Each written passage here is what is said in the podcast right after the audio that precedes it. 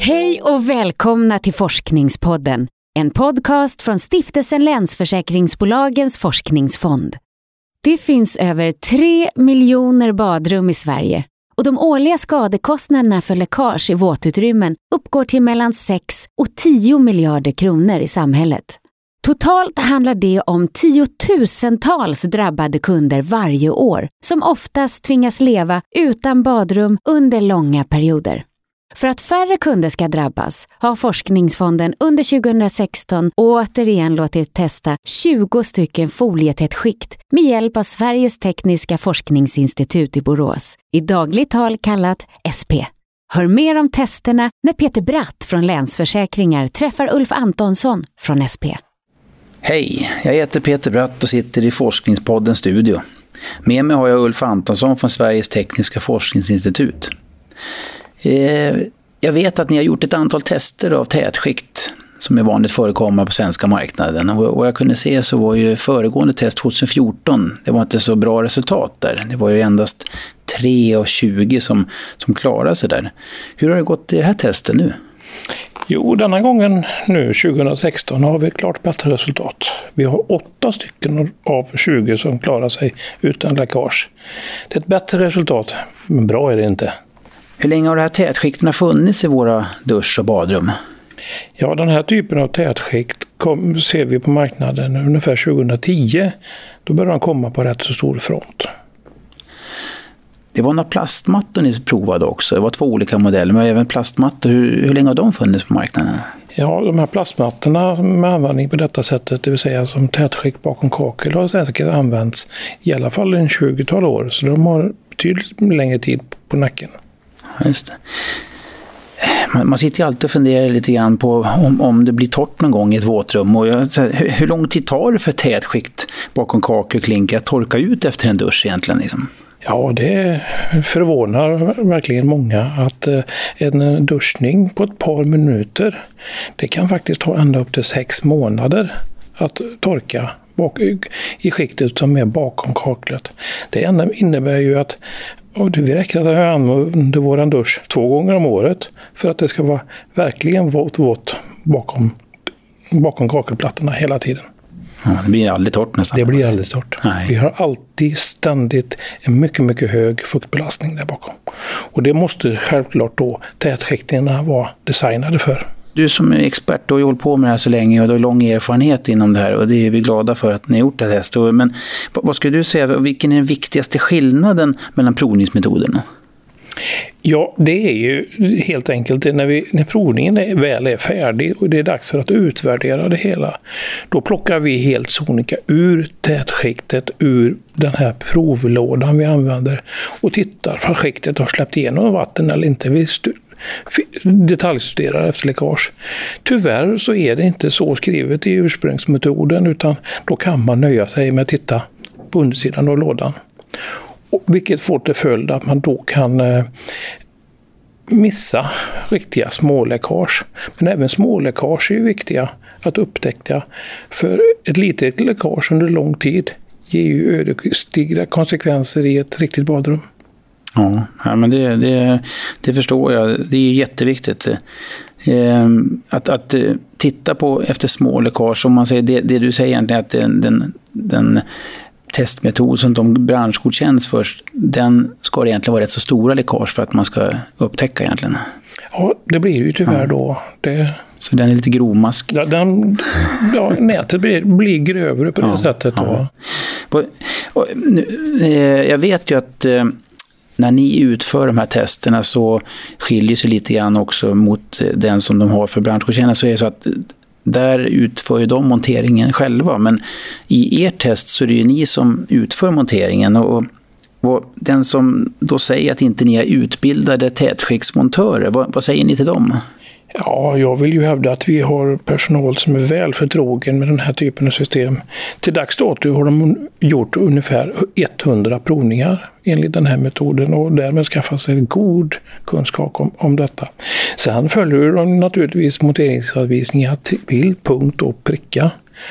Eh, ovanpå detta har även då person, i projektet här nu har även vid representanten för tillverkarna eller leverantörerna tillåts vara med vid installationen och har haft möjlighet att ha synpunkter och till och med haft möjlighet att godkänna montaget innan vi belastade och givetvis även då förkastade om så skulle varit. Men det har inte varit aktuellt vid något fall att någon har sagt att vi har gjort ett dåligt jobb. Och...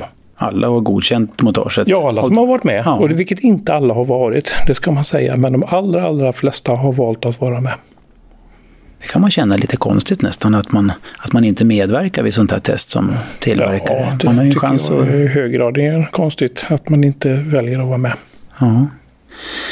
Och så, du, du som, ni gjorde ju ett test 2014 och så har ni gjort det 2016, två år senare. Vilka trender har du sett från förra testet så att säga? Ja, en trend som vi ser, som är eh, dessvärre lite oroväckande, det är ju att eh, man har, det går en trend att man gör folierna tunnare och tunnare.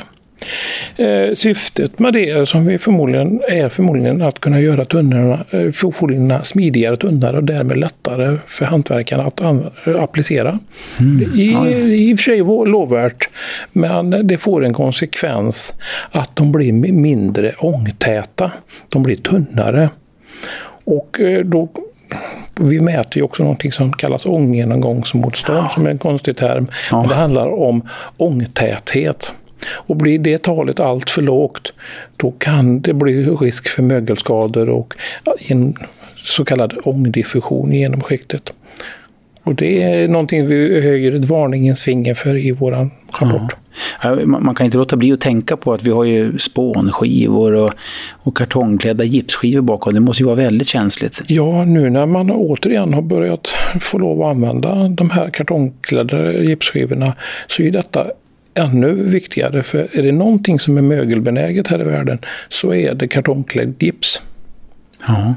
ja, det är allvarligt tycker jag, för det, det är en, en inomhusmiljöfråga också. Så att säga. Vi ska ju ha sunda hus att bo i. Så att det, jag tycker det här med ångtäthet som du beskriver, det är ju så viktigt att vi har hö, höga tal då kan jag tolka det som. Ja, riktigt höga tal. Vi, ja. vi säger en siffra på 2,5 miljon sekund per meter som vi gärna vill se. Ja. Är det någon som understiger det här testet? Ja, det är det. Det är flertalet som gör det. Dessvärre, dessvärre. Men det finns även de som har goda exempel på riktigt höga, höga tal. Så det, mm. den finns hela, hela registret finns representerat i projektet. Mm. Det, det, här äh, resultatet, jag tänker på det, vi hade ju 3 av 20 2014 såg jag i testet ni hade där och nu var det 8 utav 20. Hur, hur ser du på resultatet? Så att säga? Ja, man får börja gräva i det hela lite så är det ju klart ett bättre resultat. Åtta är ju bättre än tre, det får vi säga. Mm. Man, så man säger ju att resultatet är bättre, men bra kan man ju knappast beteckna det som. Eh, vidare är, är det glädjande sett att vi, vi har inte så många totalskador. Det vill säga riktigt, riktigt elelände. Det har vi bara en enda denna gången. Förra gången hade vi sex vill jag minnas. Det, var. Mm. Eh, det gör ju att de flesta skadorna är av mindre art. Eh, eller mindre läckage är av mindre art. Eh, de är ju då koncentrerade till hörnen, genomföringar, skarvningar och grejer. Mm. Och det, är, det vet vi sedan tidigare, det är problemområden det där, väggvinklar likaså. Mm. Så att, det låter som att det är ganska avancerat Eh, och, och, och, montera sådana här tätskikt? Och är liksom anvisningarna, så här, känner ni att de leder de oss rätt, så att säga, vi som ska utföra det här? Eller behöver det förbättras? Eller hur ser ni på dem? Ja, många gånger är de ju bra, men det finns alltid förbättringspotential på den här punkten. Det, det må vi ju säga. Det, mm. det är en rätt så rejäl flora där också i dem. Mm. Från riktigt bra till eh, sämre. När, när, du, när du tittar på de här testerna så ser du efter du har gjort två sådana här tester där eh, och skaffat dig mycket erfarenhet och där, och ser du någon anledning till att fortsätta testa de här tätskikterna på svenska marknaden? Ja, årets utfall är ju klart bättre än 2014. Och det ser vi ju då att där har många av leverantörerna skruvat på sina konstruktioner och ibland kommit med helt nya lösningar som har gjort det att de har gått från en totalskala till ett helt tätt mm. prov. Eh, ja, det är min övertygelse att om, om vi får förtroendet att göra den här undersökningen en gång till så kommer vi förhoppningsvis få ännu bättre. Men under förutsättning att tillverkarna gör sin hemläxa en gång till. Ja.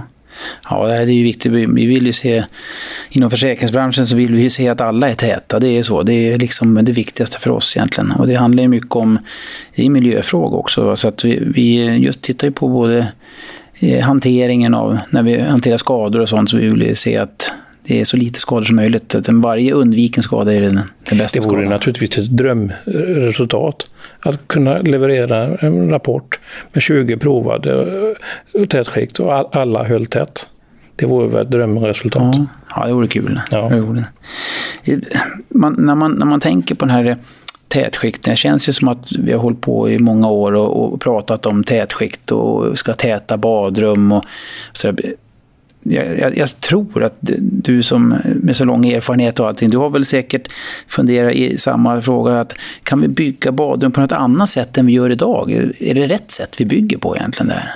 Ja, man frågar ju sig an, onekligen detta efter att ha hållit på rätt så många år med detta. Och, eh, vi har haft samma byggteknik vad det gäller badrum sedan miljonprogrammets dagar. Sedan 70-talet mer eller mindre. Det har inte ändrat sig så det är väldigt mycket. Och vi envisas med att bygga med fuktkänsliga material. Jag kan nog tänka mig att det är kanske dags att eh, ta ett steg tillbaka och titta på hur gjorde vi förr? Kan vi använda gammal, äldre teknik med icke fuktkänsliga material? Kan vi använda dem ett, på ett nyare, modernt sätt i byggandet? Sådana projekt hade varit väldigt roligt att få ta del av. Mm. Ja, kul, det är jätteintressant. Det här skulle man kunna prata hur länge som helst om. Men jag får tacka för det här. Ja, tack så mycket. Hej.